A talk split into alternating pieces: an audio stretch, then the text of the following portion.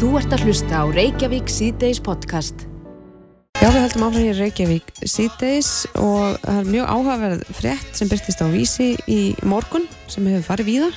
Uh, Virðist vera skotleifi á konur yfir þrítugtar nýsast í þeirra enga mál og þarna er verið að vísa í umræðu sem uh, hefur svona aðeins blossað upp undarfarið um þessa pressu sem konur, ungar konur finna fyrir að eignast börn. Já, Það sé svona og, verið að stanslist að spyrja þær hvort það ætli nú ekki að fara eignast börn.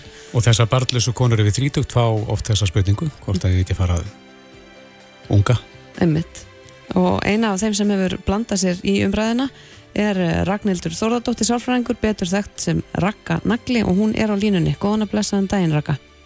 Jó, góðan daginn. Þetta er nú svolítið, uh, sko, skotleif á konur við þrítútt að nýsast í þeirra enga mál. Þetta er, þetta er hart kveði hér.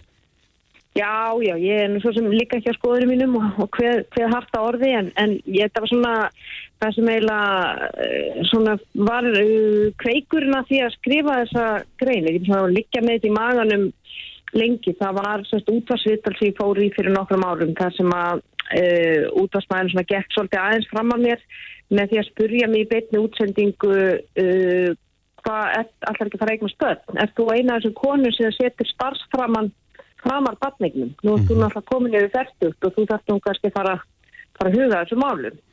Og ég kann náttúrulega ekki hrútskýringu frá einhverjum útvarsmanni um það hvernig líkamsklukkan mín virkar.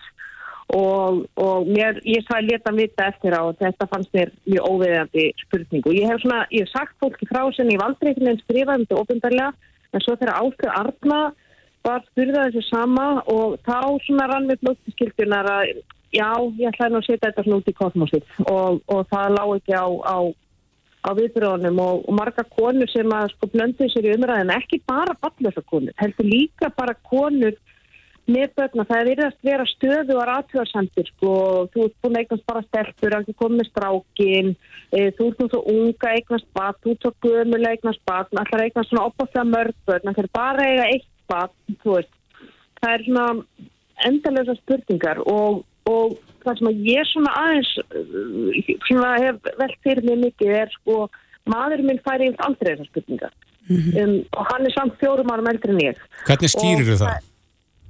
Já, það er bara virðist vera að kona er náttúrulega ábyrg fyrir uh, meðgöngunni þannig að það er að hún er hún virðist vera einhvern veginn uppsprettan og, og það sé í rauninni eins og ég segi skotleifi á okkur konur en kallar er ekki spurðir. Og, og, og þá vísa ég aðeins í svona hérna sem er svona ansett frækt að það er og hún er talað um það ofinbegla það er Jennifer Aniston sem leik reyt til í Friends.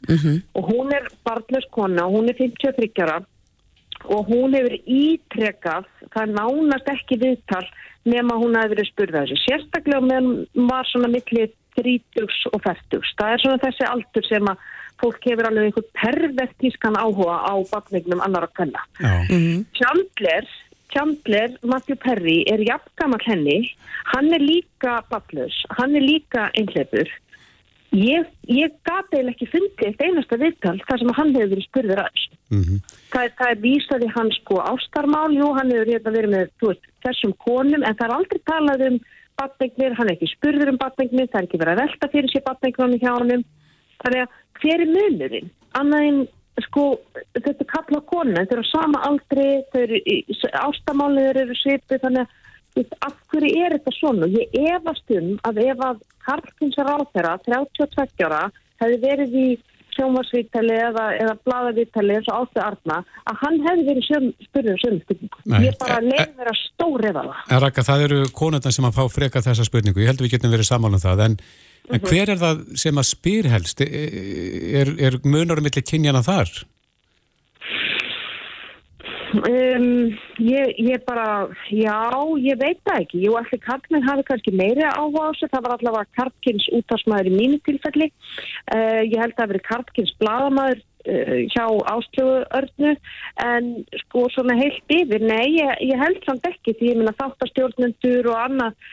Uh, það er oft spurt, býtu hvað kona sem á börn er kannski á þingi, býtu hvað eru börnin, er, er maðurinn heima að passa, það koma óviðegandi aðtöðsendur líkvæli frá kvenkins uh, planum ég, Svo er verið að spyrja í fjölskyldubóðum og slíkt. Mm. Mm. Þetta, þessar spurningar geta uh, verið mjög erfiðar fyrir marga, þetta er viðkvæmt mál að spurja úti. Og, já, og það er, það er líka það sem ég tilgrein í greininni er sko að kona getur, það getur verið búið fjarlæg hún er leg, það getur verið að hún sína erðagalla sem hún vil ekki koma áfram að koma til kynslu þannig hún, hún kýsa eiga ekki börn. Sumt fólk kýs líka að eiga ekki börn. Það bara fjárhanslegum ástæðum eða það vil bara, þú veist, hafa tímafrelsi, það er kannski umhverfi sjónamiðum, þannig að fólk getur alltaf alls konar ástæði fyrir því að velja barnið því. Síðan er ófrjóðsemi, það er kannski búið að fara í margar tilraunir, þá er þú að ífa upp sár, þú ert að ífa upp neikvæða tilfinninga, margir kannski búin að gefast upp og vilja ekki vera útskýra það og svo koma allar sko allir möguleikarnir yfir kaldur upp, já en þú getur nú farið í staðgöngumæri og þú getur allt og allt þetta. Kona er yfirleitt búin að aftjóða allar þessa möguleik og veit af þeim, þannig að það er svona það er, það er uh, of mikið nýst mér í engarlíf hvenna og, og, og, og sama með ágifara að ná sér í ykkur það er líka Veist, þannig að það virðist vera einhverjum fólk sé einhvern veginn bara í lægi að það sé umræðafni við, við matabóði í fjölskyttibóður. En eru er, er við ekki bara alltaf upptekinn að því að velta okkur upp úr einhverjum annar? Jú, og mér finnst þetta bínu kultúrtengt því að sko, nú hef ég náttúrulega búið í Danmark í 14 ár og ég hef líka verið mikið í Breitlandi aldrei, aldrei þessa spurningu ekki, sko, og, og það meiri sem var einhver dani sem sagði við mig, ég sagði já, æ, maður er nú gegnast batn og þessum að hann var svo gaman býttu ekki tótt nú ekki nema 40 að nægutíma eftir. En á Ísland er ég sko, ég menn ég með annan fótinn í gröfinni sko. Þannig að, þannig að þetta er svolítið, það er annar hugsun áttu. Til dæmis í London, þar sem ég hef verið mikið, það er, þar eru fóreldrar mun eldri.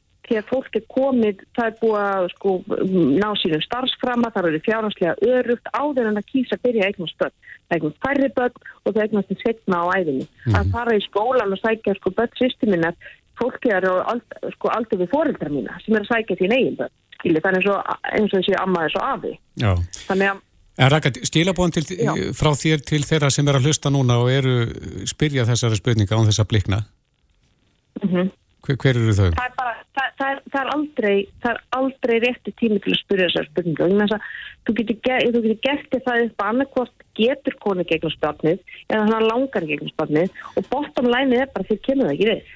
Mm -hmm mjög skýrskilabóð það er svona bara var nýðurlega í minni grein, bara því varðar ekki um það. Þannig að þetta er, þetta er ofprívat og personlegt og þú getur verið að fara á ansi hála nýs og þú getur verið að vekja upp ansi sko, sárar og erfiðar minningar og tilfinningar eða, og, og reynlega setja eitthvað svona í kastljós eða hann til að fara að útskýra sitt svona innsta val fyrir fólki það mm -hmm. er, er bara ekki sangjant En má þá segja við þá sem að fá þessa spurningu oft að svara bara þér kemur það ekki við Já, kannski segja það svona, Pent. já, ég kýsa að tala ekki með þekkalíf. Hérna, það er svona kannski að setja skýr og, og, og, og mörg en svona pakkaði minni selafan, sko. Ummitt, já, mjög já. góð brýning. Uh, Ragnhildur, Þorðardóttir Sálfræðingur, Ragganagli, takk kærlega fyrir spjallið. Já, takk fyrir mig. Þú ert að hlusta á Reykjavík C-Days podcast. Já, við heldum áfram Reykjavík C-Days þegar klukkan er uh, 25 minúti gengin í 5 mm -hmm. og það er ansi margt búið að gerast þó þessi bara þriðudagur í kjaraviðræðum, eblingar og samtaka aðunlífsins eða þar að segja þessum dómsmálum sem hafa verið í gangi uh, verkvöld eblingar hófust á hátegi í dag mm -hmm. Og uh, það tve, tveir dómar í gær en þessi nútur verðist ekkert vera á leiðin að leysast Nei, Aðalsteinn Leifsson, ríkisáttar sem er að koma til okkar, velkomin. Takk fyrir. Förum aðeins yfir djarðægin, þessi uh, tvö mál sem að fengu úrlust fyrir domstólum í djær, annars vegar félagsdómi og hins vegar hérastómi, förum aðeins yfir það. Mm. Hva, hvað, hvaða dómar fjallu? Já, sko, grunnurinn að málinni í hérastómi var sá að ég laði fram þessa miðlunatillugu 27. januar mm -hmm. Og uh, fórustu eflingar hefur neitað að heimila félagsfólki að greiða atkvæðu um tilluguna með því að leggja ekki fram kjöskrá og þrátt fyrir skýr fyrirmæli í lögum um að atkvæðagreyslan eigi að fara fram. Og um þetta snýrist máli í hérastómi ég var að sækja þessa kjöskrá þannig að félagsfólk gæti greitt atkvæðu um miðluntiluguna og dómur hérastóms var mjög skýr. Í fyrsta legi tók hann af allavega af um það að miðlunatilugan er löglega fram búrin og í öðru legi segir hann skýrt að eblingu ber að leggja fram kjöskrá þannig að félagsfólk geti nýst sér rétt sinn til þess að greiða atkvæði um miðlandilöguna mm -hmm. og þriðalegi þá segir dómurinn líka að að að fórust eblingar eigi að leggja kjöskruna fram þegar í stað og hafa öllum mögulegum áfríðunum og kærum þannig að, að það var mjög gott að, að fá þennan dóm og núna býði ég enn eftir því að fá kjörskráni hendur til þess að atkvæðagreyslan geti átt sér stað. En ef markam á fréttir þá uh, er þessi kjörskrá ekki á leiðin til þín þar sem hún er ekki til að sögna formanseflingar. Já, það þarna, kemur nokkuð óvart ef að kjörskráni er ekki til. Hvað gerir með þá? Já, nú beinlinis segja lög að, að atkvæðagreyslan eiga eiga sér stað og nú er það staðfest af hérastómi Reykjavíkur í mjög skýrum úrskurði. Og uh, þá náttúrulega ætlast ég til þess að ebling eins og aðrir virði lög og reglur og leikareglur á minnumarkaði og hef kallað eftir því og ítrykka það að þau leggja fram kjöskurana þannig að atkvæðagreyslan geta átt sér stað og fólk geti greita atkvæðum það og sjáðu til það er það sem að máli snýstum í kjarnan að velja á milli þessara miðlunatillugu sem ég legg fram og þess að halda áfram á þeirri átakabraut sem búið er að marka. Mm -hmm. Þannig að um það snýst málið að gefa fólki Já. þennan valkost. En uh, þegar dómur fjalli gæra þá ákvað eflingað á fríastarks til landsréttar. Já. Hvað er landsréttur lengi að, að taka afstöðu eða að fella sinn dóm? Það er erfitt að segja og, uh, og uh, er undir landsrétti komið. Hversu langa tíma það tekur. En, en, en, en ég ítrykka það að að eh, ef að málið fer þá leið eins og líklegt er að þá mun ég að sjálfsögðu gera allt sem í mínu valdi stendur til þess að það gangi hratt og vel fyrir sig og engan hátt standi í vegi fyrir því. En það sem þú ert að segja er að, að ebling þarf að skila þessu, þessari félagsgrá burt sér frá þessari áfríðun til landsveitar? Já, það er alveg skýrt í dómi héras, dóms Reykjavíkur að kæra eða áfríðun á þeirri niðurstöðu frestar ekki áhrifum dómsins, það er að segja að eflingu ber að skila kjörskráni þannig að kostningi geta átt sér stað þegar í stað. En hva, hvaða verkværi hefur þú til þess að nálgast þessa kjörskrá? Þá hef ég svo kallar aðfara beðinni og nú verður þetta allt mjög lagalegt sem að ég setti inn til síslumanns í dag þar sem ég beði um fulltingi síslumanns til þess að nálgast kjörskrána. Þannig að þá verður... Lögreglu valdi? Já, einmitt. Vonandi kemur nú ekki til þess og, og satt að segja þá þá trúi ég ekki öðru en, en því að, að uh, þessum dómi verið hlýtt þannig að atkvæðagreyslan geti átt sér stað. En svo er það hinn ángin, uh, þú nýtur ekki tröst uh, eblingar lengur þegar mm -hmm. vilja að þú ítir sæti. Hvað afstöðu tekur þið til þess? Ég hef þegar svarað því í dag.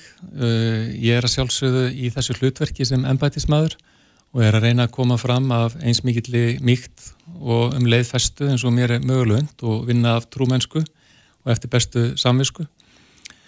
Um, það er oft hannig að þegar hartið tekist á að, að þá er, verður oft uh, málefnilegur ágreiningur að personlegum ágreiningi en sjálfsögðu snýst þetta ekki um personlegan ágreining og þetta snýst ekki um personur, þetta snýst um, um málefni og þetta snýst út frá mínu sjólahortnu um það að uh, ég legg hérna upp ákveðnulegst í fordamalöst hardri kjaradeilu og ég held sér ágætt að koma aðeins inn á það að á undarförnum missurum þá hafa verið mjög harðar og erfiðar og, og þungar kjaraverðar og allir hafa fylgst með því gegnum fjölmila mm -hmm. og ég hef haldið fólki í húsi dögum, jafnvel vekum saman í uh, oft mjög erfiðu samtali. Og þegar þólumæðin hefur þróttið þá hefur þraut séðan tekið við. Og við höfum náða að landa samningum vegna þess að þó að samtali hafi verið erfitt þá einhversiðu verið samtal og uh, ég hef haldið í bjarsínuna og haldið fólki að verki. Þannig að það er að vandlega íhuga máli sem ég legg fram þessa miðlunatilu í þessari tilteknu kjaratilu vegna þess að hún er í, á svo vondum stað og í svo hörðum nút og ég held reyndar að allir sem fylgjast með þessari atbyrra á sem er algjörlega fordæma laus undarfarnan daga til að mynda byrtist í því að efling hreinlega neytar að, að leggja fram kjöskráð þannig að atkvæði greiðslega geta á sér staðum miðlandiluguna að ég held að hljóta allir að sjá í hversu hörðum og erfiðum hnút þessi deil er, að það er algjörlega stál í stál. En kom þessi miljona til að of snemma fram? Það er svona, þær rattir eru uppi. Að þú hefur verið á snakkur á þér. Sumi segja að það fær engi velum fyrir að slökka elda á þennaði kvikna. Það sem ég var reyna að gera á þessum tímapunkti þegar mér er ljóst að deilan er algjörlega stál í stál er að leggja fram tilhuga laust sem að gætu orðið ef sáttur um hana áður en að, að hlutirnir versni, áður en að við förum inn í einhvers konar neikvæðan spíral af verkvöldum og verkbunum og átökum að vinnumarkaði. Mm -hmm. Þannig að um, það var hugsunin að uh, bregðast við, um leiðum ég var ljóst að, um, að það væru ekki líkur á því að það tækist að landa niðurstöðu með samningum. Mm. Og þá er það mitt mat að þetta sé eina færa leiðin á þeim tíumpunkti. En þegar við sittum hérna núna og, og, það, og það er búið að gerast, það sem búið er að gerast, um, horfur þú tilbaka, hefur þú viljað gera eitthvað öðruvísi? Ég er ekki samfarið um að það hefur verið betra að gera hlutin öðruvísi. Það má alltaf segja að svo atbyrra sem hefur verið undan að fara daga síni ljóslega hversu hörðun hút þessi deila er. Og það sem ég er áhuga samur um er fyrst og fremst þetta að það fólk sem að starfar á þessu kjara samningi fái tækifæri til að kynna sér miðlunantilögun og hvað í henni fælst og síðan einfallega greiða mann atkvæði og segja vil ég þessa laust eða vil ég fremur halda áfram á þeirri braut átaka sem búður að marka mm -hmm. og á sama tíma að aðalda félög samtaka aðunlífsins fá líka tækifæri til að greiða atkvæðum þessa tillugu. Mm -hmm. Augmundur Jónasson, eh, fyrirvendir á þeirra þingmaður og verkefliðsteyt og í satt hérna gær og hann vildi meina að þú hafi tekið af eflingu réttin til að knýja fram sínar kröfur með því að leggja þetta ósnæma fram. Já, nú var fjallaðan þetta sérstaklega líka í hérastómi Reykjavíkur í gær og um það hvort að ég hafi tekið af félagsfólki verkvælsréttin með því að leggja fram þessa miðlantillugu mm -hmm. og dómurinn kemst alveg að skýri niðurstöðu að svo er ekki. Ég hef alls ekki tekið af verkvælsréttin enda er það alltaf þannig að ég legg hér fram tillugu að löst og það er alltaf í höndu félagsfólk sjálfs, segðu til að greiða atkvæðum það og velja hvort það vil þessa tillugu eða ekki. Mm. Þar segja, þegar það fæði tækifæri til þess. Þannig að uh, það er alls ekki þannig að miðlunatillagan hafi tekið af fólki verkvælsréttin en það sjáum við það líka að miðlunatillagan var lagið fram og það eru verkvælli í gangi. Hins vegar er það þannig náttúrulega ef að fólki hugnast miðlunatillagan og ef að miðlunatillagan stendur að þá verður hún ígildi kjærasamnings. Mm -hmm. En um, þú sagði ráðan að kjaraverðar eiga að vera um málefnin, mm -hmm. ekki um personunnar. En fyrst er þessi deila að vera orðin uh, ansi personleg á tíðum? Ég segi þetta í, í svari við spurningu um, um vandröst á mín störf. Mm -hmm. uh, ég er að sjálfsög að gera skildu mína í samræmi við lög og reglur og í samræmi við vilja og mat domstóla og uh, en ég tek eftir því að, að það er talað um um aðastein og aðastein gerir þetta og aðastein byrður um hitt og þetta en auðvitað snýst þetta ekki um aðastein, þetta snýst um uh, að ríkisáta sem er hefur ákveðnar skildur og, og ég er reyna að rækja það skildur af semestri trúfestu. Já, mm -hmm. en uh, Ebling hefur haft efasemtur um það að þú hafi rétt á að leggja fram þessa, eða lögmæti miðlunatillugunar. Já. Svaraði hér á stómur því í gær? Hérastómur svaraði því mjög skýrt og, eh, að, og tók af allan vafu um það að uh, þessi miðlunatilega er lögmætt og hún er rétt framsett þannig að það þarf ekki að deila um það.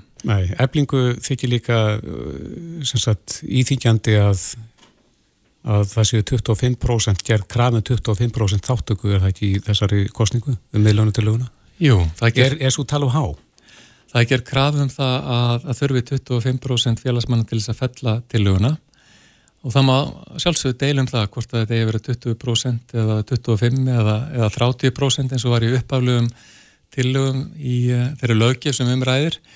Þarna komið að vilja löggjafans. Þetta eru lögin í landinu uh, og það er áhugavert að lesa lögskýringar gögnin og umræðina þegar þetta lagafrum var bara lagt fram og þá sér maður að hugsunin er svo að félög lendi ekki á þeim stað að fámennu minnulutti e, kemur málinn þannig fyrir að félagið er komið í mikil átök. Mm -hmm. Þannig að, e, og það er kannski aftur kjarnið málsins, að með meilunatilugunni þá færi ég valdi til félagsmannar allra þannig að það er ekki lítið hluti sem greiðir atkvæði heldur allir félagsmenn um það hvort það er viljið meilunantiluguna eða ekki. En, getum við eitthvað séð inn í framtíðina og ímyndað okkur ef að þessi meilunantiluga verður? Hva, hvernig verður staðan þá? Þá heldur deilan einfallega áfram og er þá í þeim, þeim farvegi sem hún er í og, og verður reynda að leita lausna með, með samningum eða hægt er eða, eða hún, hún vindur upp á sig og þá er ómöld að segja hvar, hvert, hvert að leiður okkur. Mm -hmm. Samtöku aðnulífsins hafa stílað sínum eh, kjörgögnum eða kjörskrá. Já. Eh, Hvena fer svo kostning fram? Atkvæðagreislan fer fram á sama tíma fyrir alla aðila þannig að meðan að kjörgögn er ekki til staðar fyrir eblingu þá er ekki hægt að setja atkvæðagreislan á stað. Mm -hmm.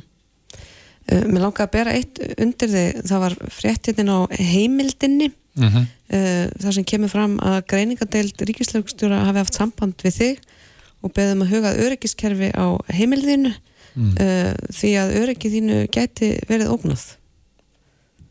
Nákvæmlega svo fá við, viðbröð þín við þessar, þessar frétt. Þú staðfestir þetta í samtali við heimildina. Þetta er nú frekar ókveikjandi finnst manni. Já, við eh, og það er kannski efni í, í samtal síðar hvernig við tölum um hvort annað og við hvort annað í þessu samfélagi, sérstaklega þegar það er harður málefnilegur ágreiningur og uh, umræðin er ofta tíðum gríðarlega óvægin en, uh, en ég er ekki að kvenka mig sérstaklega og hef engar sérstakar áhyggjur af öryggi mín eða fjölskyttu minnar þannig ég vil ekki, ekki ræða þetta hótanir. frekar Nei. mér langar ekki til þess að fara inn á það Nei. ekki þessu vittali Akkurat. En næstu skref, hvað, hvað tekur við eh, núna? Nú er þetta í ferli hjá síslumanni en á sama tíma þá er ég enþá vonguður um það að, að ég fái þessi kjörgögn og að ebling, fórust eblingar standa ekki lengur í vegi fyrir því að félagsfólk fái tækifæri til þess að greiða atkvæði um þennan valmöguleika, um þessa miðlunatilugu. Já, hvena býstu við því að geta uh, hafið þessu atkvæðagreyslu? Ég get hafið atkvæðagreisluna fljótlega eftir að kjörgögnin berast en hvena þið berast í mína hendur, það er ómögulegt að segja. Mm -hmm. Því miður. Já, við, við fylgjumst áfram með þessu. Aðstæð Leifsson, Ríkisótt Semiri Takk kærlega fyrir spjallið, gangið vel. Takk sem leiðis Þetta er Reykjavík C-Days podcast. Snóm okkur aðeins að hörmókonum í Tyrklandi og Sýrlandi. Mm -hmm. en uh, það segir hér í fréttin á vísi.is að það er að látina hækka stöðugt og 65 lönd senda björgunarlið og þar á meðal Ísland. Já, nú skiptir hver mínúta máli en uh, svo sem leiðir hópin frá Íslandi heitir Solveig Þorvaldsdóttir. Hún er fyrirvændi fórstjóri Almannavarnar Ríkisins og doktor í Jarskjálta verkfræði og hún er á línni góðan að blessaðan daginn Solveig Komið sæl. Já, hvernig er þessi hópur samansettur? Hvaða fólk eru að senda? Þetta er uh, fólk úr hérna landsbyrgu um, en þetta eru aðgerðastjórnendur eða það er orð sem við notum svona yfir þeir sem er að samhæfa aðgerðir. Mm -hmm. og svo erum við með tvo verkvæðinga og svo erum við með um, tvo e, í búðum mm -hmm. og eitt lækni. Og svo var það bara að gera núna í dag að fyrir ekki að við hérna erum að taka með okkur tvo frá landelgiskjæfninni til þess að bara styðja okkur í ímiskonamálum Já, og hvert verður þeirra hlutverk? Já, sko, hérna, það verður bara svona almennt, sko. Þa, það er bara að vera í búðum, að hjálpa til með bílana og alls konar, sko, því að til þess að fjórar manneskjur geta unnið hérna og, og, og seint sínu að þá þarf svona ákveð stuðningsleiði kringum það. Mm -hmm. Þannig að, hérna, Já. Er það rétt sem að við sögðum hérna á þann að þetta eru st st kraftmestu stjáltar sem að mælst hafa frá upphafi? Nei, nei. Nei, langt frá því kannski? Já, e, sko, þetta verður ekki 7,8? Jú, 7,8 og 7,5. Já, hérna, er það meina nákvæmlega á þessu svæði? Á þessu svæði, já. Já, það, sko, það getur svo sem, ég veit það ekki. Mm. Ég, veit, ég veit það ekki, en hérna, já, ég held meinti bara ever. hver, hver er sterkasti stjálti sem hefur mælst svona á mælum? Svo, í kringum nýju. Já. það er gríðarlega öflugur skjálti en það segir hér í, í fréttum að þessum skjáltum núna að þúsundir byggninga hefur hunnið þegar að þessi skjálta reyðu yfir. Já. Ertu búin að við aður upplýsingum um hvernig staðan er þarna áður við mætið?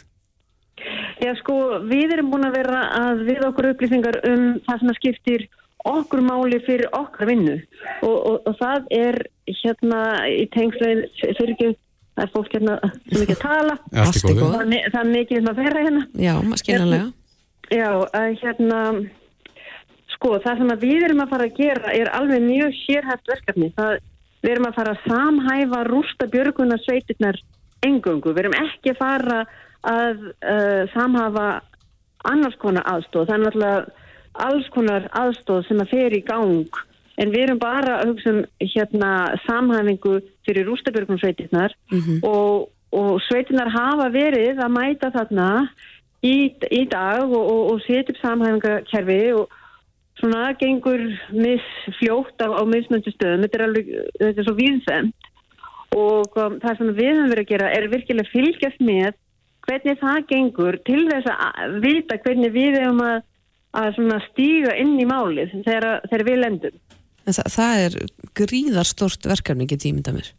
Það er það. Það er alveg rosalega, rosalega stort verkefni en þessar alþjóðlega rústasveitir, þær hafa verið í samstarfi í núna einhverja árið tugi við alltaf að þróa og þjálfa og æfa og, og, og, og búa til uh, skipulag til að vinna eftir og búa til svona törfukerfi til þess að, að samhæfa sínar aðgerðir. Þannig að, að það er það er til talsið skipulag mm. sem er verið að vinna eftir. Þannig við erum að fylgjast með því taka þátt í umræðum þar um, og, já, og, og fylgjast með. En, en, en jáfnvel sko þið vissu af þessari senkun sem að varð út af, út af veðri að þá gáttum við ekkert bara að setja hérna upp í loft og beðið, þá við erum samt að halda áfram að, að fylgjast með málum.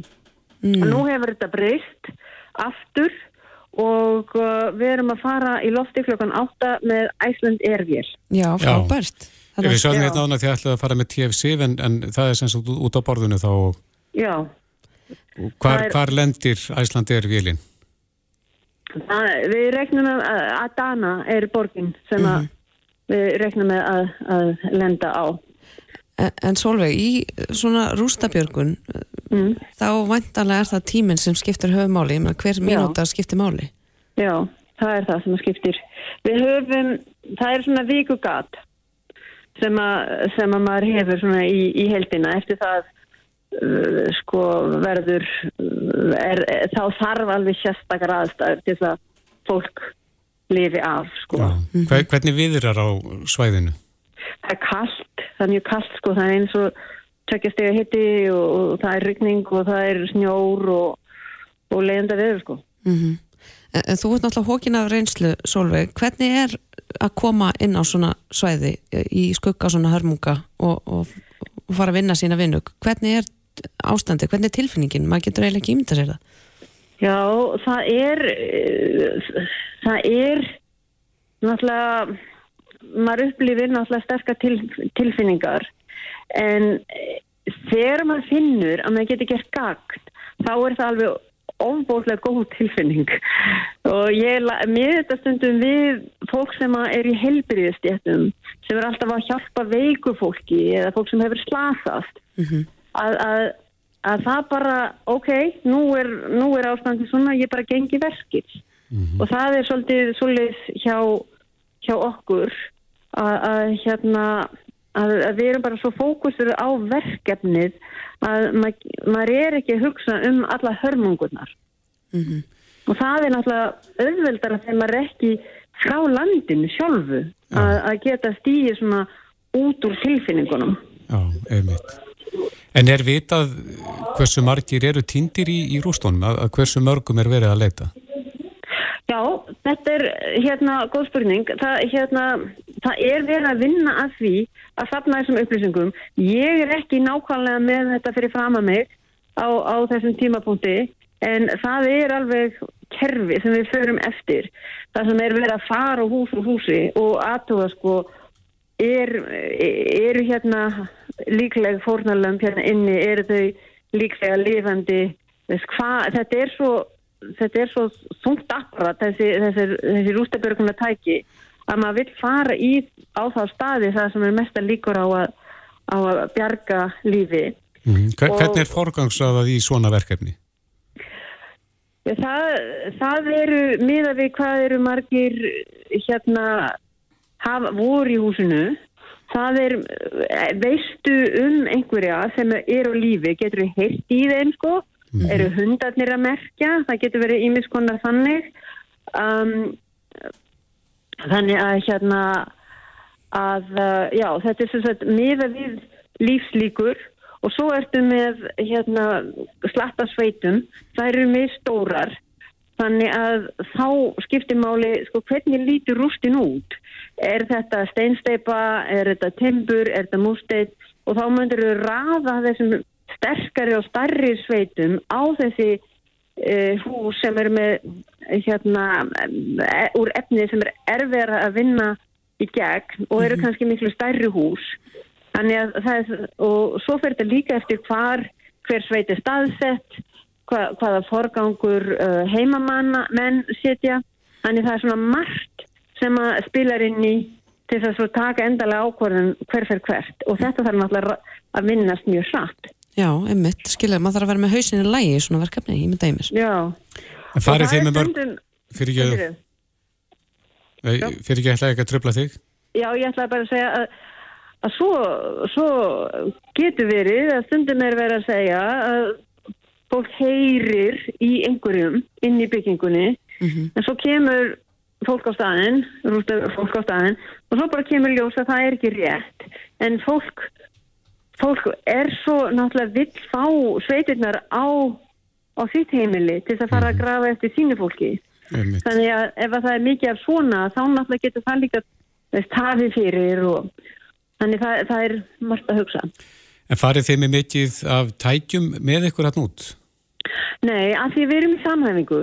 Þá ætlum við í núna í þetta skipti ekki verið í byggni rústefjörgun. Mm -hmm. Þannig að við erum með sko pappira og, og skiptiblöð og penna og, og, og þess áttar sko. Eitthvað, eitthvað, pakkið einhverju fleira með ykkur? Já, já, talstöðum og við erum alltaf með búna sko, til að geta búið í okkar búðum. Mm -hmm. Þannig við erum með tjöld og betta og, og, og hérna borð og stóla og, og rafstöðar og tölfur og fjarskiptatæki og neðabúnað og þörmat í viku. Þör, þörmat í viku? Já. já. já, já. En eh, hvaða tæki eru áhrifaríkust í svona leit? Ég heyrðu þú nefndir hunda á þann sem að merkja. Já, þau eru náttúrulega sko gott par, hundapar og maður, hundur og maður, það er náttúrulega sko mjög upplugt ef, ef þau eru vel þjálfuð saman. Mm -hmm. En svo eru til sko hlustunatæki, það sem þú bankar í rústina og, og, og, og hlustar eftir svörun. Til dæmis ef þú væri fastir í rúst og þú myndir heyra einhvern svona þrjú bönk eða bank, þá myndir þú banka tilbaka. Þetta er það ekki. Eða að láta vita einhvern veginn. Já, það er einhvern veginn verið að kalla í mig, sko. Mm. Þannig að, hérna, það eru tiltæki sem að sagt, nema svona hljóð. Þannig að það er eitt, það er svona hlusta og, og, og svo eru myndavélar þar sem er verið að skera götin í rými og stinga inn og, og skoða meðsmyndir í rými. Þannig að það sé ekki verið að brjóta stórt gat og svo kemur í ljós að það er enginn þar á bakvið. En eins og hitamyndavélar, nýtast það eitthvað?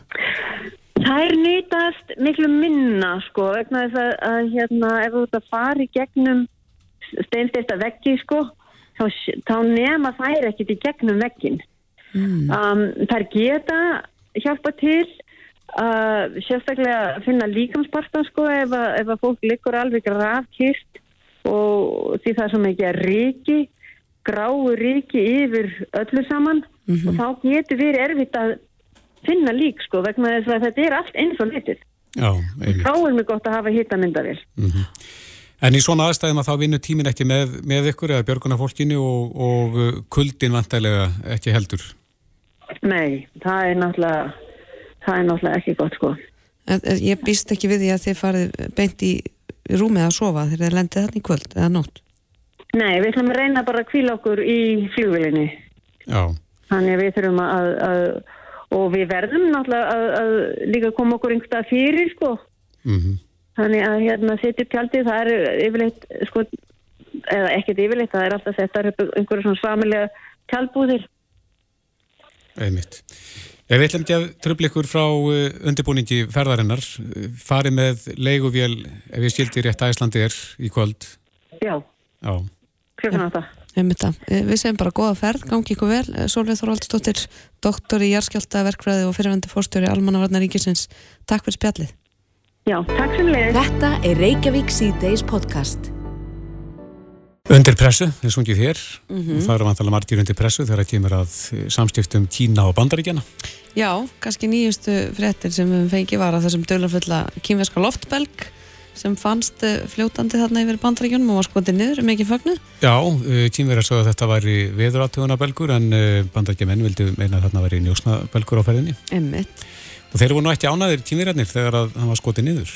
Nei, það er spurning hvort þetta hafi einhver áhrif á, á samskipti þessar tækja ríkja en hann er sestur hérna hjá okkur, Helgi Steinar Gunnlaugsson, aðþjóð stjórnmálafræðingur og blamar á fréttablaðinu. Velkomin. Gámið sæl.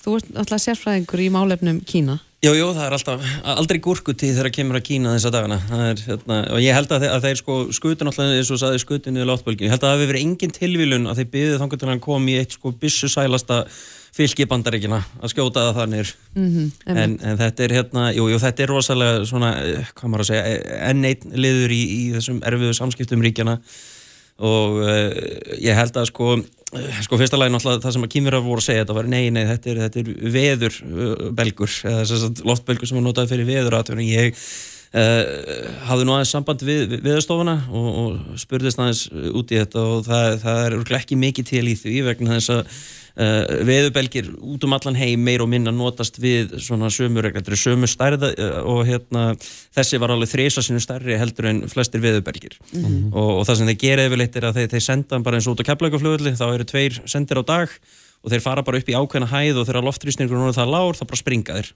mm. þannig að þeir finnst það mjög ólíklegt að, að, að sko, þessi hafi í fyrsta lagi Eh, þeir hafi náða að stjórna hæðin á hann og hann hafi ekki farið og sprungið og hann hafi bara náða að fara alla þess að leið bara í einhver algjör heimsreisu hérna.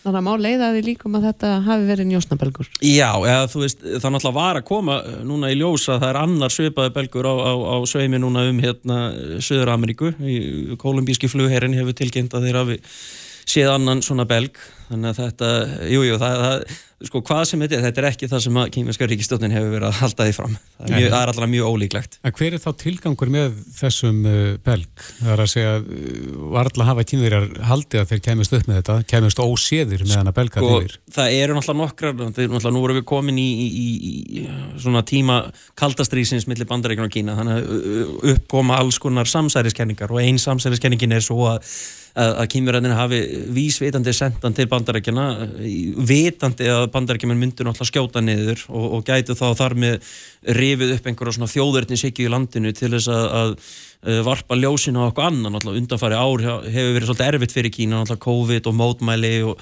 og efnahagur landsins eins og út um allan heim er náttúrulega að standa í erfileikum núna þannig að það er fínt að geta svona saminast undir eitthvað ákveð og hei það var ráðist á okkur er, er annað. En ég hef búin að fylgjast aðeins með samfélagsmiðlum í Kína og viðtölum og svona og það flestir virðast bara vera annarkvært að segja að þetta er bara vittlisa að veist, þetta þjóna er yngum tilgangi og þeir segja margir líka við hefum gert nákvæmlega sama hlutin Já, okay. þannig að það, sko, ef að það var tilgangurinn þá er hann ekki að ná sínum árangri sko. En hefur það semst engin áhrif að þessi belgur sé skoti niður? Ég sko, náttúrulega í ljósi það, það sem er búið að gerast undarfartna dag og vikur, ég held að þess, þetta atviki sjálfu sér mun ekki hafa neinn stórfælt áhrif, ég held að sko ef við setjum þetta í, í víðara samengi þá, þá veist, náttúrulega Lloyd Austin uh, hérna á Eh, Bandarækjuminn er búin að tryggja sér aðgangað fimm bækistöðum á Philipsheim og það er náttúrulega búið að vera mikið svona, varum við í Söðu Kóriu líka og, og við erum að tala um veist, uh, samskipti ríkina þar með Norður Kóri þannig að það, það er óslulega mikið svona danskeppni í gangi núna í Söðustur Asju mm -hmm. uh, þannig að mér skilst að þessi fundur sem var uh, skipulaður hérna af utaríkisráðurum Bandarækjum og Kína, náttúrulega þeir blésu hann af, þeir eru alltaf ekki að halda á með, með hann þannig að ég veit ekki, ég veit ekki hvort þetta tengdist á einhvern hátt en, en ég held að sáfundur mun eiga sér stað. Því að sko bæði Kína og Bandaríkin þau gera sér fulla grein fyrir því að þrátt fyrir núverandi ástand þá verða þau í rauninni að viðhalda góðum tengslum. Því að þetta er, jú eins og ég segi, þetta er kallstríð á milli Bandaríkin og Kína. Og við þurfum að hætta að líta á samskipti Kína og Bandaríkin eins og þetta séu bara svona tvær venjulega þjóðir. Veist, þær eru, eru lastar inn í þessu, þessum píramíta hérna, og þau en munurinn á þessu kaldastriði og kaldastriðinu sem var hérna, með Sovjetríkin er að það er rosa mikið fjárfesting á milli begja þjóða. Þannig að þeir þurfa á hvort öðru að halda og líka ekki gleyma því að heimurinn er bara ásóldi erfið um stað okkur átt núna, það er rosa mikið um þjóðverðninsegju sem á sér stað þegar efnahagskrísur eiga sér stað, náttúrulega stríð, það er rosalega miklu erfiðleikan, þannig að það kannski tengist inn í þetta líka og ég held að það sem við erum að sjá akkurat núna og erum búin að vera að sjá undan farin 2-3 ár er eh, svona rétt eins og þeirra börn er að læra að ganga og taka tennur, þetta er í rauninni, bandaríkunum Kína eru svona að finna uh, sitt tempo hvernig þau munu halda sínum samskiptum bara næstu ára tögina. En hvernig eru samskipti núna, sko, uh, núna Já. með Joe Biden sem fósita annars vegar og hins vegar með Donald Trump sem fósita Já, náttúrulega sko, kýmiratnir eh, það sem fór mest í töðunan á þeim og það sem þeir óttust mest er að Donald Trump var, var fósita, þeir náttúrulega tók hann aldrei alveglega en það sem þeir uh, það, það, var, sko, það var óvissan sem var alltaf svolítið erið, það bara, hann myndi allt í hennu segja nei, nú ætlum við að setja uh, rosalega háa totla á Kína bara af því að ég veit að ég fæ uh, loaklapp fyrir það á næsta, hérna, næsta rally hjá mér mm. uh, ég held að Joe Biden, þeir eru miklu varkarori núna vegna þess að þeir vita að Joe Biden er sko, uh, það, það er miklu meira að vera að hlusta á uh, sérfræðinga innan við utarækis teima og náttúrulega Anthony Blinken er Uh, hann er rosalega hæfur í sínu starfi þannig ég held að, að, að þeir síni miklu meiri varkarni en, en samskiptin eru einhvað síður á örgla einum vestastað uh, sem þeir hafa verið í langan tíma og það tengist öllu, það tengist Suðustur Asi, það tengist Tæfan og, og það er svona uh, báðarliðar virðast ekki vilja bakka Mm. Það, það, og það hefur líka jafn mikið að gera með innaríkismál sem og auðaríkismál En leiðir það ekki bara til eins þegar að tvær þjóðir vilja ekki baka? Já, þú veist náttúrulega sko, það sem alþjóða stjórnmálafrænga talaði um er hérna, þú kýtitísar reglan sem var í rauninni samin til að lýsa samskiptum bandaríkinn og kín og það sem hefur gerist er uh, til að lýsa henni á sem einfaldast að máta, þetta er svona svolítið eins og í gömlu kúrikamyndunum þegar tveir kúrikar eru í deilum og eitt segir þessi bæri er ekki nógu stór fyrir okkur báða. Þannig að þetta er raun og það sem hefur gerst uh, 16 af 20 skiptum senustu 500 árin þegar önnur þjóð rýs upp og þegar ein önnur er nú þegar heimsveldi þá verður stríð. Þannig í ljósi þeirra sögu þá náttúrulega eru þeirra að standa sér eitthvað vel Kína á bandaríkin. Uh, en ég held að það sé bara og, og veist, við höfum verið að svona bremsa öðru kóru, hvort sem það er með Hong Kong eða með, með mótmælin eða það, ég held að sé bara einfalla allt og mikið í húfi til þess að uh, uh, hérna, að það brútist út eitthvað stórfessi, það náttúrulega gæti vissulega og ég held að það gæti gerst á næstu jafnvel 5-10 árun að eitthvað muni gerast í Tæfan eða þá að það verður einhver miskilingur í söðu Kínahafinu vegna þess að bandaríkin eru náttúrulega með meira, meira umsvið þar. Mm -hmm. Kínverður náttúrulega sigla þar um og, og það náttúrulega verða alltaf einhver svona kúpudeilu hérna Uh, aðstæður sem myndast og það, það er það sem ég hef kannski ágjör af. En hvað myndi það þýða ef að stríði myndi brjótast út á milli Kína og bandrækjana? Já sko, líklegast það sem myndi gerast er, þetta myndi byrja á Tævan það er, marg, flestis þjóðastjórnmálafræðingar eru sammála og það muni byrja þar.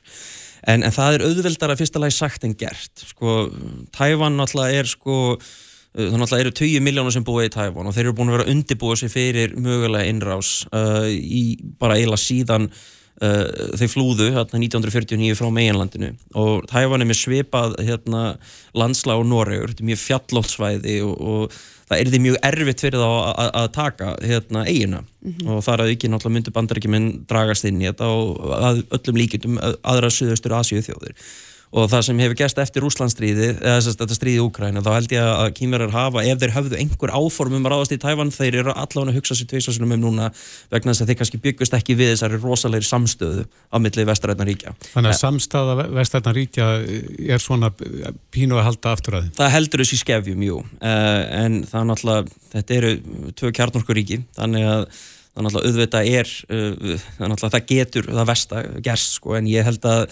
að þau munu leita allar leiðar til þess að finna einhvern frið. Það, þú veist, Kímir er náttúrulega núna, við lítum á þetta þannig að Kína er í einhverju þýlikir útrás og eitthvað. Það, Kína, það er rosalega mikið af innaríkisvandamálum akkurat núna og, og uppbygging hersins einustu sko ára tíu hafa jafnvel Uh, átt jafn mikið að gera með að hafa stjórn á mannskapnum innan við Kína og að verjast einhverja utanakomandi ógnir mm -hmm.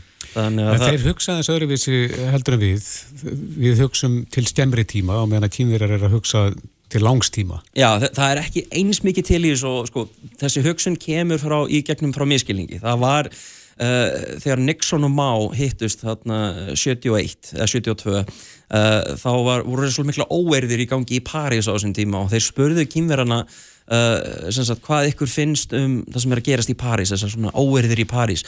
Þetta var mistúlkað. Þeir sögðu hvað finnst þér um frönsku byltinguna sem var 1789 mm -hmm. og má sagði að við bara við hefum ennþá eftir að sjá áhrifin sem það eftir að þannig að wow, þeir, þeir eru ennþá að spá í 1789 og hvað það mun að þannig að þaðan kemur þessu hugsun en það er vissulega réttið, jú, þeir hugsa óð mikið um kynnslóðir og, og það, það er hérna og líka bara því þetta, þessi þjóð hefur náttúrulega, þetta er ekki þjóð, þetta er bara menning, hún hefur náttúrulega verið bara í, í 5.000 ár og, mm. og, eða 4.000 ár og uh, þau, við högstum um hérna landamæri frá hérna vestfalíu samningunum eftir 30 ára stríði það sem að landamæri er skipt hér og það kýmur að hugsa ekki alveg, það, þeir náttúrulega voru ekki hluti af því mm -hmm. þannig að þeir hugsa kannski Tævan, nei, landamæri, nei, nei, nei, þetta er sama fólk og við, þetta er okkar bræður og sestur og mm -hmm þannig að það, eh, já, það er öðruvísi það er vissulega mjög uh, frábröðun hugsun uh, í Kína og, og á Vestland og sem að hefur áhrif á samskiptin. Algjörlega. Og það er líka kannski það sem að, að, að ég vona allavega að sérfræðingar í auðvitaðriksmálum viðsverðum heiminn taki inn í reikningin að það þarf að nálgast þetta ekki endilega frá okkar sjónarotni hérna vestarinu, í vestaranna heiminum heldur líka að hugsa ok, af hverju eru þeir með þessa afstöðu? Mm -hmm. og, og, og, og ef við vitum af hverju afstæðan er til að byrja með það er, myndi ég segja vera fyrsta nálgunin í því hvernig getum við leist þetta. Ég myndi það, já, áhugavert. Við vonum bara að þú verið sanspor og þetta far ekki allt í háa loft á, á, á nokkrum árum. Eh, Helgi Steinar Gunnlússon á því á stjórnmálfræðingur og Blaðmæður, takk kjærlega fyrir spjall Já, takk svo mjög Reykjavík síðdeis á Bilginni podcast. Já, það vantar klukkuna 11 myndur í 6 og hann er sestur hérna hjá okkur, hann Þorstein Viglundsson, hann er fyrirvændi þingmaður, fyrirvændi ráðherra og fyrirvændi framkvæmstjóri samtaka Aturlífsins. Velkomin. Jú, takk. Þú, þú skrifaði grein uh, inn á vísi.is uh, þar sem þú talar um nokkra störlaða staðrindir um íslenska vinnumarkað. Já. Hvaða störluðu staðrindir eru það? Já, það sem ég er nú veru kannski draga fram með tvent, annars vegar sem að eh, ég veitum ekki hvort að það er hérna með ég reyka til sko, eftirkasta hérna, efnagsáfalsins 2008-2009 ekki bara hér heldur í heiminum öllum er veru mm -hmm.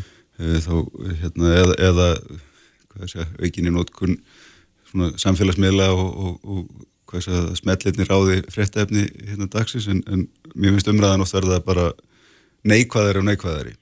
Og það er aðteglivert að, sjá bara þetta á, við svolítið á heimsvísu og, og, og hérna, við höfum í, þurfum að skoða svona hamingju mæli hverða þá til þess að við, það er meira stress, það er meira áhyggjur, það er meiri svona bölsýni sem er að mælast í fólki markvert sko, vaksandi yfir þetta tímabil mm -hmm.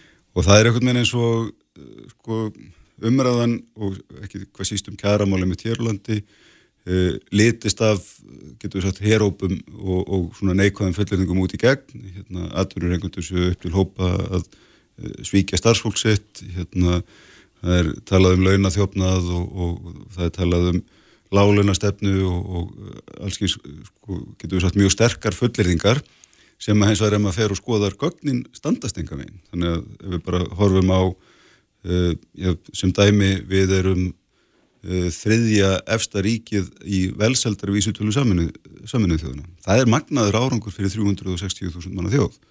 Uh, við hefum hækkað um tíu sæti sko, á síðustu 30 árum á, á þannan mælikvarða og þarna er verið að mæla ekki bara eitthvað þjóðaframleyslu á mannheldur, það er verið að mæla mentunastig, það er verið að mæla félagslegan reyfaleika, það er verið að mæla þáttækt, jöfnuð. Erum við að tala um meðaltalið þarna?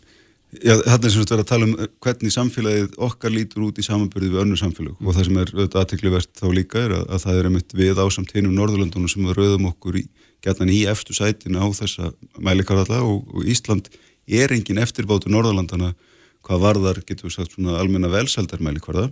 Við erum eins og dýrara land, við erum með mjög hátt vakstastegu, við erum með mikla verbulgu og miklu herri verbulgu heldur en hinn Norðurlandin eh, og það er það sem ég er að velta upp er sko hver er munurinn á þessum samfélögum, mm -hmm. Norðurlandunum og okkur og hvað eigum við sammert með þeim og það sem við sjáum að við eigum sammert með þeim er einmitt, það er öflugt velferðarkerfi, það er mjög hátt launastega almennt, það er mikill jöfnudur í alþjóðlegu samhengi, það er lítil fátækt og það er mikill félagslegur reyfanleiki og svo mætti áfram telja og mín skoðun er svo að, að þetta sé meðal annars að þakka vinnumarkaslíkan í þessar landa og sterkri verkeflisefingu sem að hefur tryggt hérna, ákveðin jöfnuð í skiptingu geðana, bæði hér og á, á hinn og Norðurlandunum og um leið er þetta frjálsmarkasækjörfi öll með tölu með hérna, mikil frjálsauðaríkisviðskiptu og svo, svo mætti áfram telja sem hefur svona drifið áfram getur við sett vermaðasköpurinn og, og, og velsældina.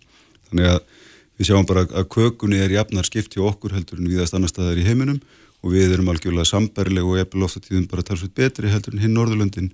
Til dæmis þegar kemur að mæli hvarða á fátækt uh, hlutfall lágra launa í samfélaginu í held og, og svo mætti áfram telja. Þannig að, að þegar maður horfir á og segir byrju laun hér er þá í alþjóðlegu samengi há, þau eru hérna með jafn, jafnari dreifingu heldur en viðast ekki stannar staðar hvað veldur allir þessari reyði í sko, umræðunni á, á, á vinnumarkaði. En hvað með lægstu launir sem að í, í hinu, á hinnu Norðurlandunum, eru, eru lægri lægstu laun hér heldur en það er? Nei, þau eru herri hér heldur en á hinnu Norðurlandunum og, og það er að segja þá lálaun eins og þau eru mæld sem eru þá mæld sem hlutfall af hérna, miðgildi tekna, mm -hmm. þau eru fátíðari hér heldur en á hinn Norðurlandunum. En, en fáum við hér á Íslandi minna fyrir herri lámaslun? Sko, það sem við fáum minna fyrir er kannski á endanum helst einmitt að sko, það er alveg klárt að há og viðvarandi verbulga til dæmis dregur úr bara verðskinn okkar og við erum ekkit óðalega góðir neytendur eh, heilt yfir held ég bara því að verðlagi er gætnan að hækka hérna mjög mikið maður finnur það bara sjálf hvað maður tapar verðskinni hvað á þessi hlutur að kosta en ennum gæðslega þegar við erum með meðal verðbólku hér upp á sko, 4-5% sko, hort til síðustu 30 ára fyrir utan vandamálum 10% af verðbólku núna þá hefur þetta ne mjög neikvæð áhrif.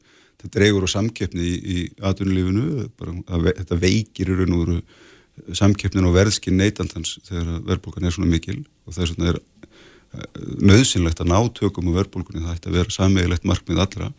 Eh, það sem að mér finnst eins og vanta algjörlega í umræðana sem við sjáum að er mjög ríkjandi á hinnum Norðurlandunum er umræðanum sko kærasamninga samingið þeirra við laun og við velastrónu, þar sem við verðbólku og það sem ég ber saman þá í, í, í greininni þarna er í raun og veru að við erum með já, meðaltali cirka þreysasunum herri vexti heldur hinn Norðurlandin yfir, sko, hort yfir mjög langt tímabil en þetta er ekki bara síðustu tvö ára, þetta er 30 ára tímabil sem ég er að skoða. Mm -hmm. uh, við erum með liðlega tvöfaldaverbulgu eða þrefaldaverbulgu hérna, eða svona tvis, eða, liðlega tvöfaldar svo sem hún nákvæmur í þessu að meðaltali yfir þetta 30 ára tímabil. Og það má hvortvekja þar að segja annars vegar óstöðuleikan okkar og hins vegar stöðuleika hinnan Norðurlandana algjörlega skýra af þróun á vinnumarkaði. Þar að segja launahækkunum umfram hérna, það sem aður kalla þetta svo kallaði svigrum sem er raun og veru þá aukin framleiðin í hagkerun og hverju, hverju tímanbili og það er það sem að eh, hér var sko þetta gríðalegur óstöðuleiki aðdraðanda þjóðarsáttar sem að gerða þér fyrir liðlega 30 árum síðan. Þar næst svona samstæðum það að eftirleið skuli samiðum sko kaupmátturaukningu en ekki launahekkanir mm -hmm. það er kaupmátturaukningin sem skiptur okkur mestumáli ekki hvort að við erum að hekka laun um 5 eða 10% og sko, vinnumarkashagfræðin segir í raun og veru bara launahækkanir umfram framleiðinu aukningu á hverju tífambili eru verðbólgan. Og það er það sem við sjáum með niðurstaðin hér. Við erum með meðaltals framleiðinu aukningu á hverju ári að jafna þetta réttliðilega 2% eh, hort yfir þessi sömu 30 ár. Við erum með 6,5% verðbólgu og ef við draugum bara þetta frá þar að framleiðina frá verðbólgunni Nei, frá launahekkunum sig að þá fáum við fjö, liðlega 4% verðbólku. Mm. Algjörlega fullt sammikið þarna milli og það samá við um Norðurlöndin nema bara þeir eru með miklu læri tölur. Mm. Það er 3,5% launahekkun, 1,78% verðbólka að jafnaði yfir 30 ára tímabil. Og það sem að þau veit að fá þá í, í kaupandi með þessu getur við sagt er miklu stöður að gengi gældmiðlisins af því að það er einhverjum það sem gerist þegar við erum alltaf að hækka launum frá nágrunnuland okkar á endanum er það gengið sem fellur og mm. þetta, það er að segja þessi efnaðislegi veruleiki sem að verkefælisfórustan hér hafnar algjörlega uh, stemmir hins vegar alveg upp og aukast af þegar við skoðum langt tímabil að þetta er bara hérna, verðbólgan hér að meðaltæli síðastleginn 30 ár er nákvæmlega jafn mikil og búast máttu við með þar launahekkanir sem hafa verið yfir tímabilið. En nú heyrim við það til dæmis í auglýsingum frá eblingu að þessi hópur lifir ekki af uh, þessum lagstu launum. Sko, það eru þetta, það er alltaf, raun og veru verið sama umræðan og hún er alltaf alveg rétt. Það er að segja, lagstu launin í hvaða samfélagi sem er, eru alltaf í vandraðu með það að komast af á þeim sömulagstu launum. Þess vegna erum við með tekjutilfæslukerfi frá ríkinu, barnabætur, hérna, húsnæðisbætur, vakstabætur og svo Þannig að ríki þarf að koma sterkar inn í það Já, það er einhver þannig sem við reynum eitthvað með að jafna leikin síðan og að því að það sem gleymist í, í þessu sama er uh, framfæslu kostnæðurinn í landinu er aðeins á endanum af laununum sem er í landinu. Þannig að ef það er, er hálaun þá er yfirleitt frekar dýrt að búa og þess það þarf alltaf að mæta tekjulegsta endanum í gegnum tekjutilfæslukerfið það er nákvæmlega sama hér og annar staðar. Einmitt það, við komumst í mér ekki lengra. Við mælum með þessum pislin og vísibúnduris Þorstein Víglundsson, takk kjærlega fyrir spjalli Hér, takk sem leðis Reykjavík síðdeis á Bilginni podcast. Það hefur nátt verið rætt um hættunar sem geta leynst á netinu. Heldur betur og uh, ef við tala fyrir hönd foreldra þá er þetta ansi vandrataður vegur sko, mm -hmm. að fylgjast með uh, því sem börnin er að gera í þessum ýmsu tækjum á heimilinu. Já, það byrtist uh, pistill inni á vísi.is með fyrirsögninni Ertu að bjóða barnanýðingum heimtilín? Mjög sláandi titill. Mjög svo. En það er Stefania Arnardóttir sem að skrifa en hún er með B.A. í Sálfræði og er á línunni, kom til. Sæl. Eh, þetta er óbáslega sláandi titill á grein, Stefania.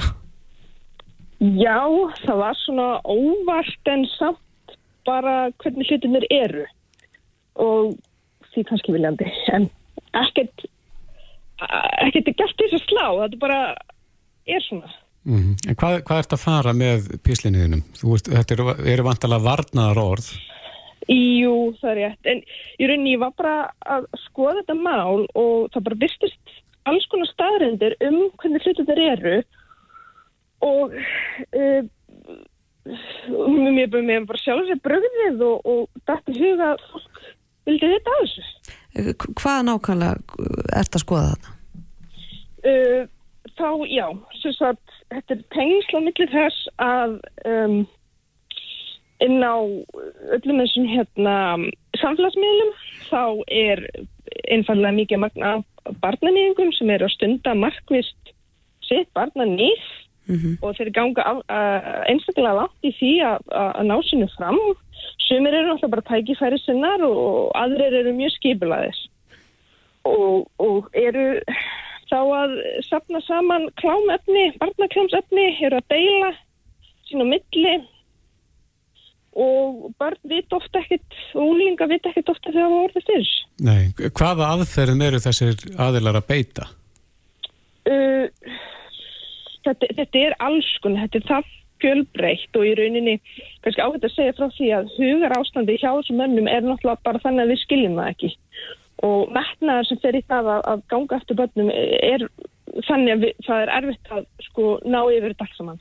Mm -hmm. Sumir eru inn á svona livestreami og, og hérna eru bókstaflega að beita svona tælingaðfyrir bara fyrir fram áhörundur og, og, og svona þá börn þess að afklæðast. Aðrir eru skiplaðari og þá er börn jáfnvel svona þá er búin að búa til heimasíð eða búa til vefsíður sem að börnum fara inn á sem gera þeim klifta og setja hugbúnaðurinn á þetta sem gera þeim klifta að sapna saman þessu kynfrúslefni og eru jafnvel, sko, þeir eru ekki bara með falska profíla heldur eru með gamalt myndarinn af áður fyrir fórnálöfum sem gera þeim klifta að gefa mjög trúverðuga mynd á að uh, krakkin sé að tala við jafningi. Ég skil. Uh, sko manni finnst uh, maður oft vera svolítið óþólandi sem foreldri að fylgjast með því sem börnum hans er að gera í símanum og, og öllum þessum snjáltækjum en það, það sem þú ert að lýsa sko, þetta gerist þá bara í einhvers konar beitni útsendingu á samfélagsmiðlum og það er kannski svolítið erfitt Já. fyrir okkur foreldrana að fylgjast með því?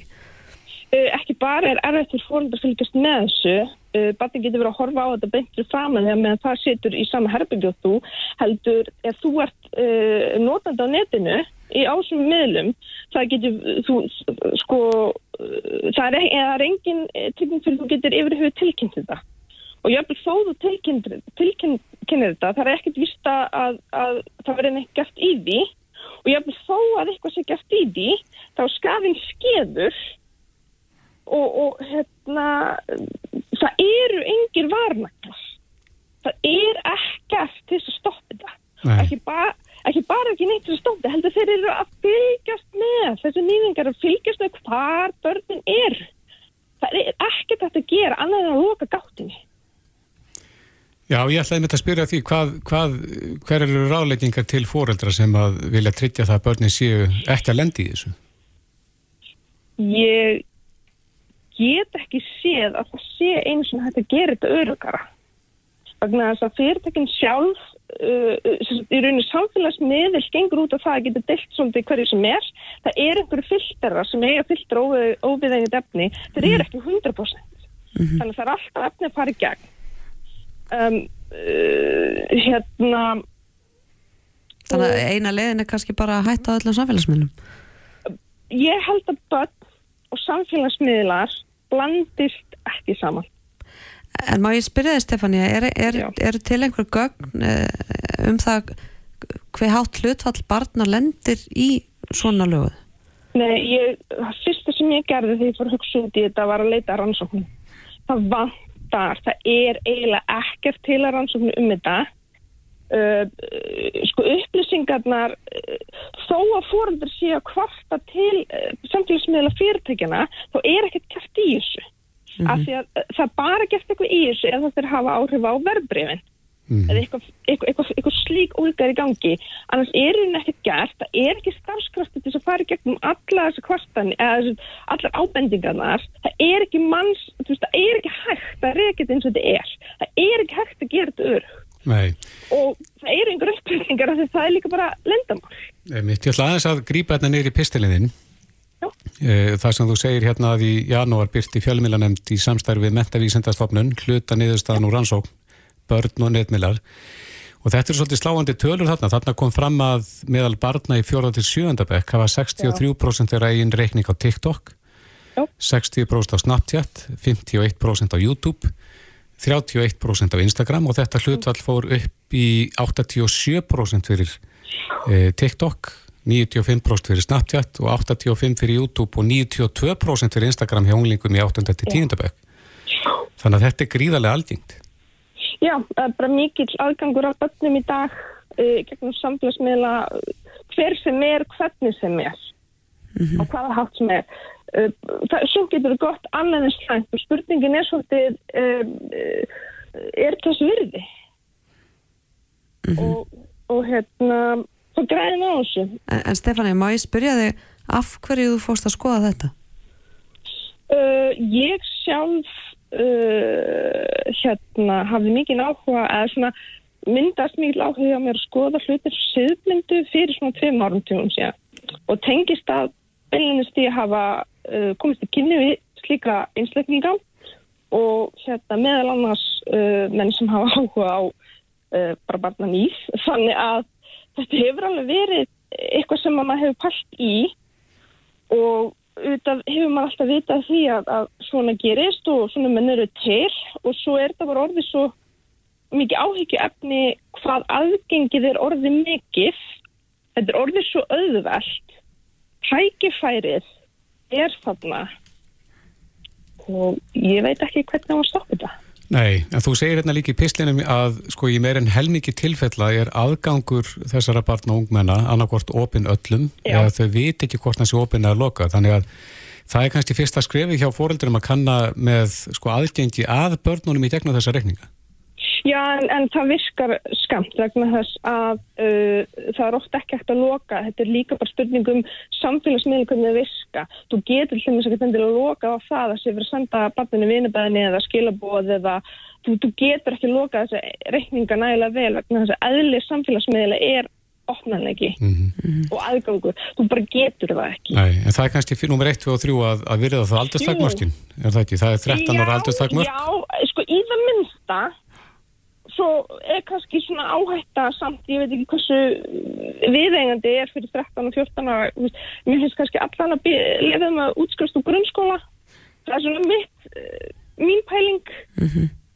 uh, bara að leiða um að allan að klára grunnskóla heist og, og hérna að því að ég, ég, ég hérna sko þetta er það er svo margt við samfélagsmiðla sem eru ekki að gera gott og ég spyr bara hvað er þá gott og hvað, hvað hvernig getum við tekið því sem er gott og rekta það annan hátt en í gegnum einhvers svona fyrirtæki Já. sem að En, en við hvetjum foreldra sérstaklega til þess að lesa pistilinn inn á vísi.is. Þú, þú ert með smá greiningu á þessum vinsalustu miðlum eins og TikTok, Snapchat og YouTube.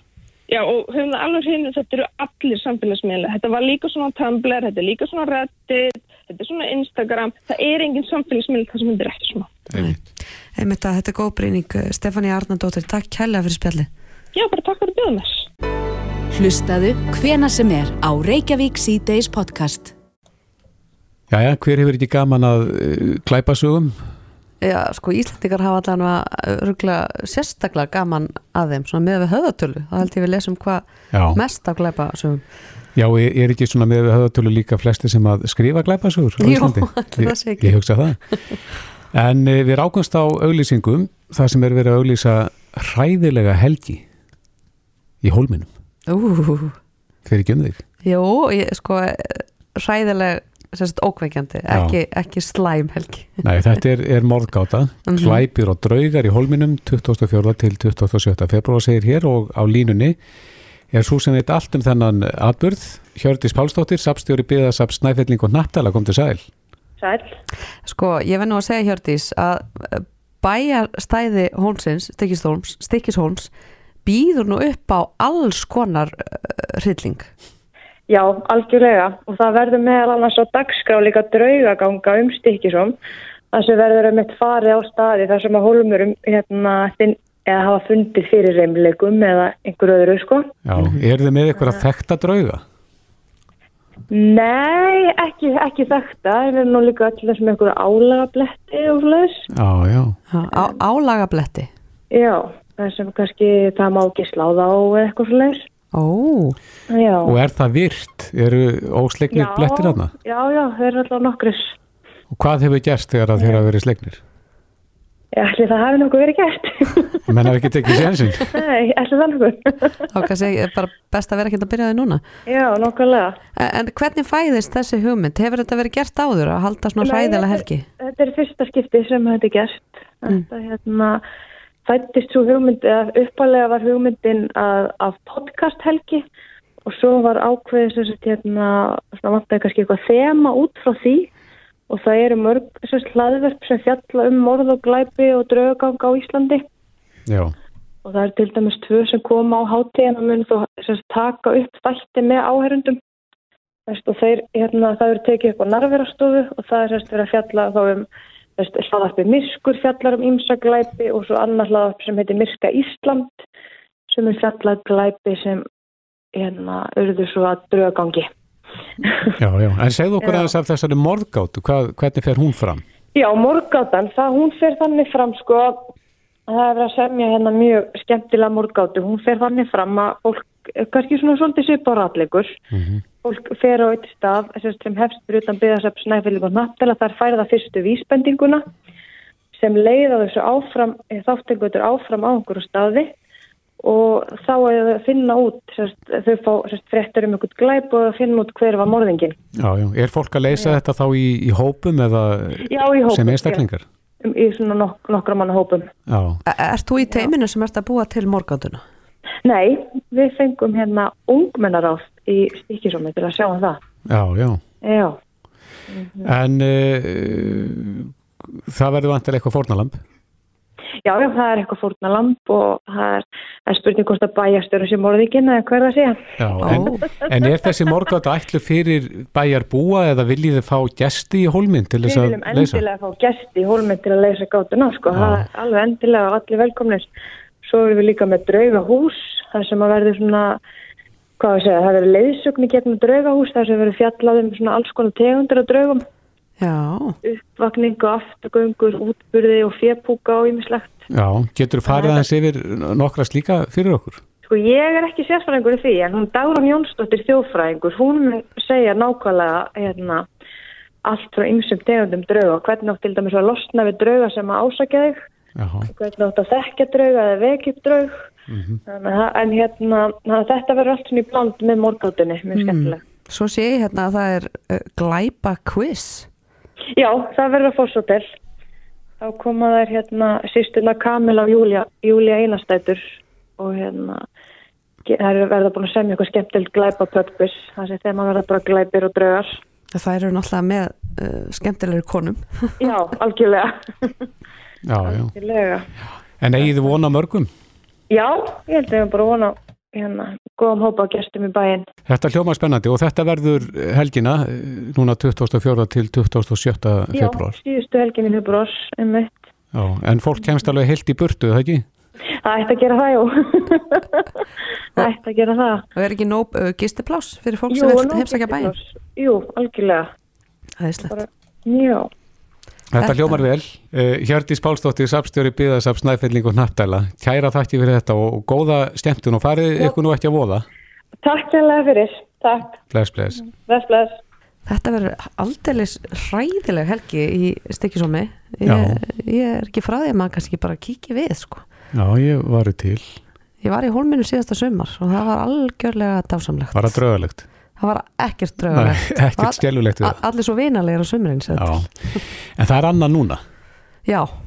Nú verður þetta bara morgáta og draugagangur. Já, svo er þetta svona hryllilega heit. Herðu en, við erum að koma í mark. Eh, við minnum á það að viðtölunöll eru að koma inn á vísi.is og svo er þetta að hlusta í gegnum Bildju appið sem mm -hmm. við mælum með. Mjög er lett að gera það. Já, virkilega, nota á hverjum deg mm -hmm. Bræk Kristófur Lilja þakka fyrir síðan dag. Við verðum hérna klukkan fjóra morgun Já, þanga til, verið í sæl. Reykjavík síðdeis á Bilginni podcast